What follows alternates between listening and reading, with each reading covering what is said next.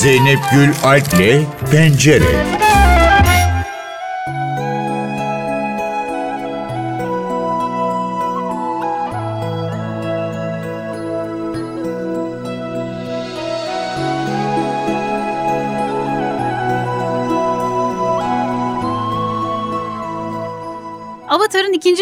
Vizyona girdi ama James Cameron yıllardır süren bir tartışmayla gündemde. Tartışmanın başlığı Titanic filminin finalinde Rose ve Jack'in o kapının üzerine birlikte sığabileceği ve Jack'in de bugün hayatta kalabileceği konusuydu. Yıllardır hayranlar birbirine bu soruyu sordu. Farklı ihtimaller üzerinde duruldu, denemeler yapıldı. Ünlü öğretmen de kolları sıvadı ve bu sorunun yanıtını aralarında adli tıp uzmanlarının da olduğu bilir kişilerle bulmaya çalıştı. Biz de bugün film eleştirmeni Burak Göral'la konuşacağız. Burak Bey hoş geldiniz NTV Radyo'ya. Merhabalar, hoş bulduk. Şimdi 25 yıldır tartışılan bir konu. Siz ne dersiniz? Sizin de aklınızdan geçmiş miydi Jack'in de hayatta kalmasını sağlayabilecek ihtimaller? Ya ilk filmde de bir insan bir şey oluyor. Yani onu aramızda konuştuğumuzu hatırlıyorum. Arkadaşlarla kalabalık bir grupla gitmiştik. Aslında tabii öncesinde ben izlemiştim basın gösteriminde ama basın gösteriminde asla böyle bir konu üzerine yoğunlaşmadık. Yani bu çünkü şöyle de bir şey. Titanic ilk izlendiğinde vurucudur. İyi bir senaryodur gerçekten de ve bütün empati duygularınızı çalıştıracak şekilde tasarlanmıştır. İyi yazılmış, iyi oynanmış, iyi çekilmiş bir film. Dolayısıyla sizi duygudan duyguya sürüklerken hani o tip detaylara çok da fazla takılma zamanını bulamazsınız. Sonra tabii film çok kürtleştikçe birkaç kere izledikçe ya da ne bileyim her televizyona çıktığında rap yaparken rastladığınızda bazı şeylerini daha böyle batmaya başladığını hissedersiniz ya. İstedik tam öyle filmlerden biri. İlk başta herkesin böyle ihtişamına karşı saygı duruşuna geçtiği o ne acayip bir filmmiş bu diye karşıladığı film şimdilerde konuşulduğu zaman biraz böyle göz devirmelerle işte ağız burun eğmelerle geçiyor güçlü ve önemli bir filmdi. Hala da öyle bence. Birçok şeyi çok iyi başarmış bir film. Bence senaryo matematiği anlamında da ders olarak gösterilebilir, örnek olarak gösterilebilir bir çalışması vardır. O söz konusu tartışma tabii daha çok internetin yaygınlaşması ve sosyal medyayla da giderek kendisine daha fazla alan açan bir tartışma örneği olarak ilginç bir vakadır. Bence de orada hani ilk baktığınızda niye o da üste çıkmıyor, niye Kate Winslet'in yanına, Rose'un yanına o da sığabilir. Hatta bunun grafik olarak olabileceğine dair bir takım önüme görseller de düştüğü oldu. Ya şimdi tabii James Cameron'ın artık yani bunca sene sonra ya ben bu işe bir el atayım diyerek kolları sıvaması da ilginç bir yönetmenin hani 25 sene sonra böyle bir hikayesinin bu detayına dönüş yapması da güzel bir örnek hepimizin yüzünü gülümseten. Ya şimdi bazıları bunu Twitter'da ne gerek vardı falan diye şey yapıyor. Boş işler bunlar falan diyenler de var ama ya işte hayatta böyle yaşayan insanlar da mevcut. Yani biz sürekli bambaşka gündemlerin içerisinde başka şeylerle boğuşurken böyle şeyler de güzel meseleler yani. James Cameron mühendis kafalı bir yönetmen. Yani onun hesaplamasını yaptık biz merak etmeyin gibisinden bir çıkışla bir refleksle bunu yapıyor eminim ki buna da bilimsel bir açıklama getirecek ve Allah Allah filan olacağız hepimiz diye düşünüyorum. Keep moving, Keep moving. Özellikle bu mühendis kafasının altını çizmem gerekiyor. Çünkü hı hı. bundan dolayı çok zor çalışılan bir yönetmen olduğu da hep söylenir. Mesela asistanlarının çok zorlandığı, çok yorulduğu ve böyle askerlik çarpı 5 ya da 10 falan gibi bir sürecin olduğunu söylüyorlar yani onunla çalışmanın. Onun yanında bir filmde çalışmanın. Hatta tişörtler de bastırıyorlarmış. Ben James Cameron'la çalıştım. Dünya bana vız gelir gibisinden bir söylemi de ünlü. Dolayısıyla yani çok titiz ele aldığı için eminim ki akla yakın bir açıklaması olacaktır. Oradaki mesele tabii ki de erkeğin yani sevdiği bir kadını ya da bir bireyin diyeyim sevdiği başka bir bireyi hayatta kalması için kendini feda etmesi. Herhalde kadından da bekliyorlardı aynı fedakarlığı. Hani biraz kenara kaysaydı da Jack de kurtulsaydı. Yani değil mi? Evet. Ya teklif bile etmedi. Üstelik yani. Ay, aslında orada bir yarım ağız söylüyor. Yani ya gel buraya çık sen de işte sığabiliriz. Hayır hayır diyor çocuk da. Aslında öyle bir tabii ki bir fedakarlık aşkın içinde olan büyük bir aşkın içinde olan fedakarlık duygusunu anlatmak açısından birleştirici bir sahne, bir durum yaratıyor orada James Cameron. Tabii ki taraflardan ölmesi filmin gücünü çok arttırıyor. Eğer ikisi birlikte kurtulsalardı Titanic aynı güçte yaşayan hafızalarda aynı şiddetle kendisini hissettirecek bir eser olmayacaktı bence. There's a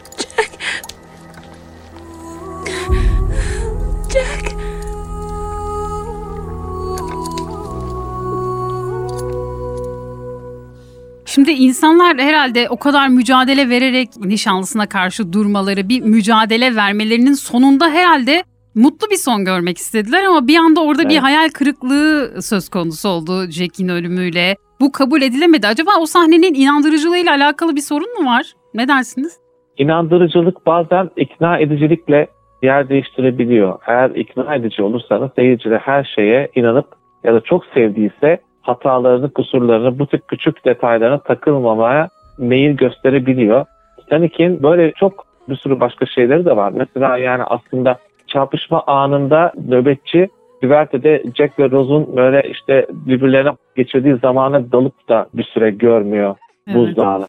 Koskoca Titanic gerçekte böyle bir şey yüzünden mi şey oldu? Yani o iki aşağı bakan gözcünün hatası mıydı yani? Gibi bir şeye de çıkabilirsiniz. Yani ararsanız böyle her filmden bir sürü küçük kılçıklar çıkartmak mümkün. Evet. Bu konu zevkli konu. Çünkü Evet. James Cameron katılımıyla da daha da keyifli bir hale geldiğini söyleyebilirim ayrıca. come in on you, then I cut to your POV of him. And yeah, that's good. Like that is good. What you just did, just started, and then, yeah, yeah, yeah, yeah, yeah. Good, good. Şimdi James Cameron'ın neler yaptığını biraz anlatayım. Titanic'teki kapıda tek kişilik yer olduğunu kanıtlamış ve bir hipotermi uzmanıyla kapsamlı bir adli tıp analizi yaptırmış. Bunu da Şubat ayında çıkacak olan özel bir bölümle açıklayacaklarmış. Kate Winslet ve Leonardo DiCaprio ile aynı ebatlarda iki dublör aynı kapının üzerine yerleştirilmiş ve buzlu suya konulup hayatta kalıp kalmayacakları test edilmiş. İkisi de hayatta kalamazdı deniliyor. Böyle bir şeyi kanıtlamak durumunda kalmasına ne dersiniz? Daha önce sinema tarihinde böyle bir tartışmayla karşı karşıya kalınmış mıydı? Yani yok ben böyle bir o sahnelerin tekrar denenmesi falan bunlara dair bir şey hatırlamıyorum çok fazla ama şöyle de bir şey de var. James Cameron gerçekten takık ve biraz da bu meselelere hafiften de sinirle yaklaşan da bir adam. Demek ki bıkmış artık. Yani tartışmaların hala sürüyor olması. Hatta çünkü birileri bunu çok daha fazla ciddiye alarak sürekli gündemde tutmaya çalışıyor. Özellikle sosyal medya. Buradan sürekli film yapmaya çalışıyorlar. Ama bir yandan şöyle bir şey de var. Hollywood her şeyden çok güzel ne derler sinekten yağ çıkar diye bir şey vardır ya. Yani e, bundan da tabii güzel bir popülerlik de çıkartıyor. Belki sosyal medya danışmanları işte James Cameron'ın menajerleri bu tartışmayı onun da dahil olmasını Avatar'a yarayacağını da düşünmüş olabilirler. Ve böylelikle de hani bu akıcı olarak da kurgulanmış olması mümkün. İnsanın aklına bu da geliyor. Çünkü bu tip şeylerde çok başarılıdır Hollywood. Kate Winslet ve Leonardo DiCaprio'ya da yıllardır, 25 yıldır bu soru soruluyor. Ve Evet. Leonardo DiCaprio sürekli yorum yok yanıtını yapıyor ama Kate Winslet geçtiğimiz günlerde bir serzenişte bulunmuş ve evet Jack de o kapıya sığabilirdi ama batardık ifadelerini kullanmış ve o dönem vücut şekillerinin aşağılandığını söylemiş ve zorbalığa maruz kaldığını da söylemiş. E bir Evet. oyuncu için de herhalde bu zor bir durumdur. Ya evet o dönemde ben şeyi hatırlıyorum. Yani abla kardeş gibi gözüküyorlar dendiğini. Evet. Yani özellikle Kate Winslet'ın biraz kilolu bir zamanında yakalandığını bu filme hafiften balık eti gibi gözüktüğünü falan. Yani biliyorsunuz böyle şeylerde Hollywood'un hani aşk filmlerinde özellikle herkes çok fit ve tamamen arzu nesnesi olması gerektiğini ortaya koyan bir sistem. Bu yüzden tabii biraz sataşmalar olmuştu. Aslında Leonardo'nun bu filmden önceki rol aldığı bazı başka filmlerde de sadece görüntüsüyle değil çok iyi bir oyuncu olduğu belli ediyordu kendisini. Kate Winslet de öyleydi. Yani aslında kameranın castingi onların görüntüsü odaklı değildi sadece. Yani ikisi de çok yetenekliydi ve eğer görüntü odaklı olsaydı sadece bakışı çok daha başka oyuncuları seçebilirdi. Ama o özellikle yetenekli ve iyi oyuncu olmalarına özen göstermiş. O oyuncu seçimi de öyle yapılmış. Ve e, dolayısıyla burada insanların aslında şekil ve fizik meselelerine takılarak yorum yapması gerçekten üzücü. ve oyuncular için de kırıcı bir yaklaşım. Onları çok da kale almamak gerekiyor. Burada Kate Winslet de gerçekten o dönemde demek ki ağrına gitmiş ki yıllar sonra bile bunu hala dile getirebiliyor. Bu tartışmaya gerçekten hiç gerek yok. Onlar çok güzellerdi. İkisi de o filmde çok güzel görünen, çok iyi ve güzel yaratılmış karakterlerle hayat veren iyi oyunculardı. Şimdi az önce siz de bahsettiniz Avatar'ın PR'ı olabilir mi acaba diye. The Sun'ın Hmm. bir haberi var. Titanic'in yeniden düzenlenmiş bir versiyonu Sevgililer Günü'nde vizyona girecekmiş bu yıl. Acaba bu zamana göre bir tartışmanın denk gelmesi PR çalışması olabilir mi? E tabii tabii tabii yani şimdi aslında 3D olarak da daha önce çıkmıştı 20. yılında sanıyorum çıkarılmıştı. Bir daha böyle yani anlaşılan tabii şöyle bir durum da var. Titanic hala sanıyorum en çok izlenen dünya çapında en çok izlenen en çok bilet satılan film zirvesinde. E, bunu terk etmek istemiyor. Yani o birinciliği, o zirveyi terk etmek istemiyor. Bu yüzden filmin çeşitli versiyonlarını sık sık ortaya çıkartarak onu egale etmek istiyor. Özellikle de James Cameron'ın hani bunu tercih etmesi nedenlerinden bir tanesi süper kahraman furyasının bütün listeyi ele geçiriyor olması. Biz 90'lar sinemasındaki iklimden çok farklı bir sinema iklimindeyiz şu anda. Gerçekten de hani en çok gişe yapan, en çok bilet satan filmler listelerinde 90'lara listelerine baktığımız zaman her bir senenin tek tek baktığımız zaman çok nefis bir çeşitlilik görüyoruz. Polisiye filmler var, komedi filmler var. Yani psikolojik gerilim, gerilim, işte korku, macera, aksiyon hepsinin bir arada olduğu çok nefis listeler görüyoruz. O zamanın sineması çok başka bir yaratıcılığın içindeydi. Şimdi maalesef bu listelerin %60'ı 70'i süper kahraman filmleriyle yüksek bütçeli çizgi roman uyarlamalarıyla dolu. Yani başka kaynaklardan alınmış, ilham almış filmlerle dolu.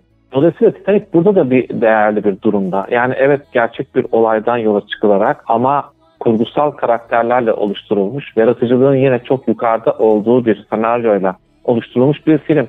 Dolayısıyla bunun gibi filmlerin o listeyi terk etmemesini önemsiyor James Cameron gibi eski kuşak sinemacılar. Ben bunu da doğru buluyorum çünkü gerçekten elimizde gişe filmleri olarak en yüksek filmler hep bunlar süper kahraman filmlerine dönüştü sadece. Hı hı. Bu yüzden mesela Tom Cruise'un yaptığı, Top Gun'la yaptığı da yine değerli bir şey. Yine Mission Impossible, Görevimiz Tehlike serisiyle yaptığı şey değerli bir şey. Yani James Cameron'ın Avatar'ı ısrarla çekiyor olması yine değerli bir şey. Yani bütün bunlar aslında madalyonun bir diğer yüzünü bize gösteriyor. O yaratıcılığın, eski yaratıcılığın, 90'lardaki yaratıcılığın artık günümüzde başka bir şeye evrildiği ve biraz da tek tipleştiği bir durumu işaret ediyor bize. Titanic bu anlamda eskiyi de temsil ediyor ve o geminin batmamak için direnmesi de diyebiliriz aslında. Hollywood'un da yani 90'lara duyduğu bir özlem var herhalde. Olmaz mı? Hepimiz duyuyoruz. Onlar da eminim kendi içlerinde ne vardı ve ediyorlardır. Çünkü gerçekten altın dönemlerinden biriydi Hollywood'un. Bu nedenle de açıp açıp 90'lar filmlerini izliyoruz sanırım. Yani yeni bir şey Elbette. izlemektense. Evet her zaman ne zaman rastlası yerlerde oturur sonuna kadar bazen takılıp izlediğimiz oluyor. Gerçekten de 90'lar sineması nostaljinin çok ötesinde yaratıcılıkların zirve yaptığı bir dönemdi.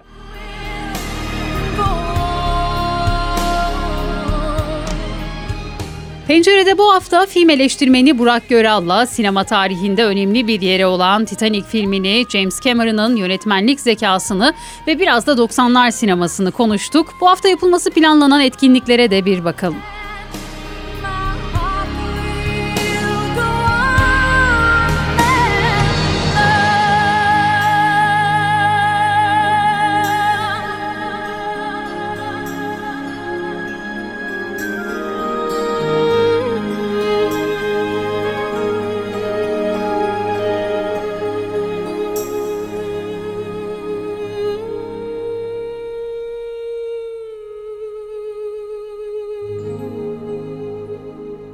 Pencere, Şairin de dediği gibi bir yüzük yaptım sana güvercin deliğinden. Bundan sonrasında onun yanında olacaksın. Su da sana emanet. İyileşeceksin Sevda. Beni affet. Selim kaç kere oynadık bu sahneleri biz hangisinde iyileştik? Çağınırmak imzalı çok beklenen film Sevda Mecburi İstikamet bu hafta vizyonda. Başrollerini Selçuk Yöntem ve Selin Şekerci'nin üstlendiği filmin müziklerini Teoman besteledi. 1970'lerden 2000'li yıllara uzanan bir yol hikayesinin anlatıldığı Sevda Mecburi İstikamet, ünlü bir oyuncunun kızıyla olan yarım kalmış hikayesini tamamlamak için çıktığı yolculukta yaşadıklarını konu alıyor. Filmde Selçuk Yöntem Yeşilçam yıldızı Selim Erensoylu'yu canlandırırken Selin Şekerci, Selim Erensoylu'nun kızı Sunay'a hayat veriyor.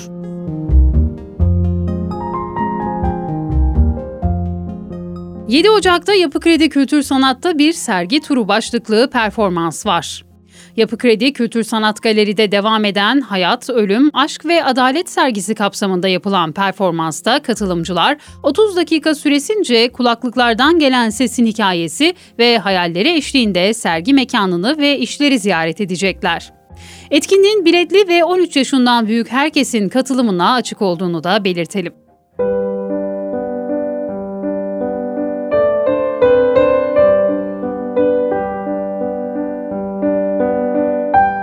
Yapı Kredi Kültür Sanat'ta 7 Ocak Cumartesi günü bir de çocuk konseri olacak. Baby Concerts'la kitap okuma başlıklı seride minikler Yapı Kredi yayınlarından çıkan çocuk kitapları eşliğinde klasik müzik dinleyecekler. Programda bir balerin de danslarıyla hikayeyi yorumlayacak. 3-6 yaş grubuna yönelik konser Yapı Kredi yayınları tarafından yayımlanan Çiğdem Kaplankı'nın yazdığı ve Emine Bora'nın resimlediği Bozuk Müzik Kutusu kitabına ayrıldı. Baby Concerts'la kitap okuma saat 11'de Loca'da. Etkinlik herkese açık ve ücretsiz.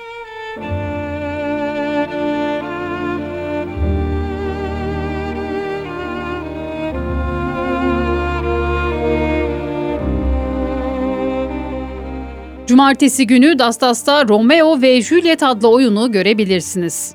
Shakespeare'in dünyanın en bilinen romantik trajedyası olan Romeo ve Juliet'i Mert Fırat ve Nagihan Gürkan birlikte yönetti. Başrollerde Deniz Can Aktaş ve Naz Çağla Irmak yer aldı. Oyun perdelerini 20.30'da açıyor.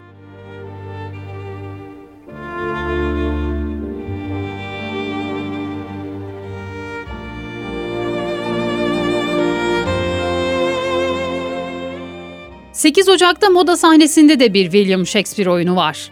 Şireti evcilleştirmek oyunu moda sahnesinin yıllardır birlikte oynayan oyuncuları tarafından oynanıyor. Yönetmen Kemal Aydoğan'ın rejisiyle sahneleniyor. Oyun saat 16'da başlayacak.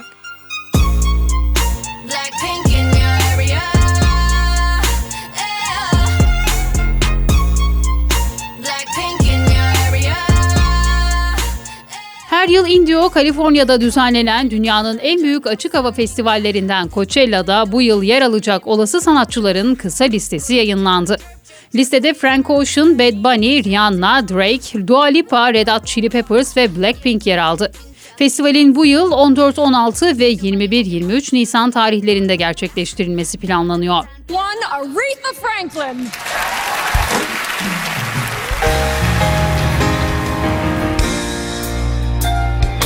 Looking out on the morning rain. I used to. Rolling Stone 2008'de yayınladığı tüm zamanların en iyi şarkıcıları listesini güncelledi. Aretha Franklin'in ilk sırada yer aldığı listede sanatçıyı Ray Charles, Mariah Carey, Billie Holiday ve Whitney Houston takip etti. Rock müziğin unutulmaz isimlerinden Kurt Cobain 36, Mick Jagger 52, Bruce Springsteen 77, Ozzy Osbourne ise 112. sıradan listeye girdi. Celine Dion'un listede olmaması hayranları tarafından sert şekilde eleştirildi. Pencereden bu haftalık bu kadar. Hoşçakalın.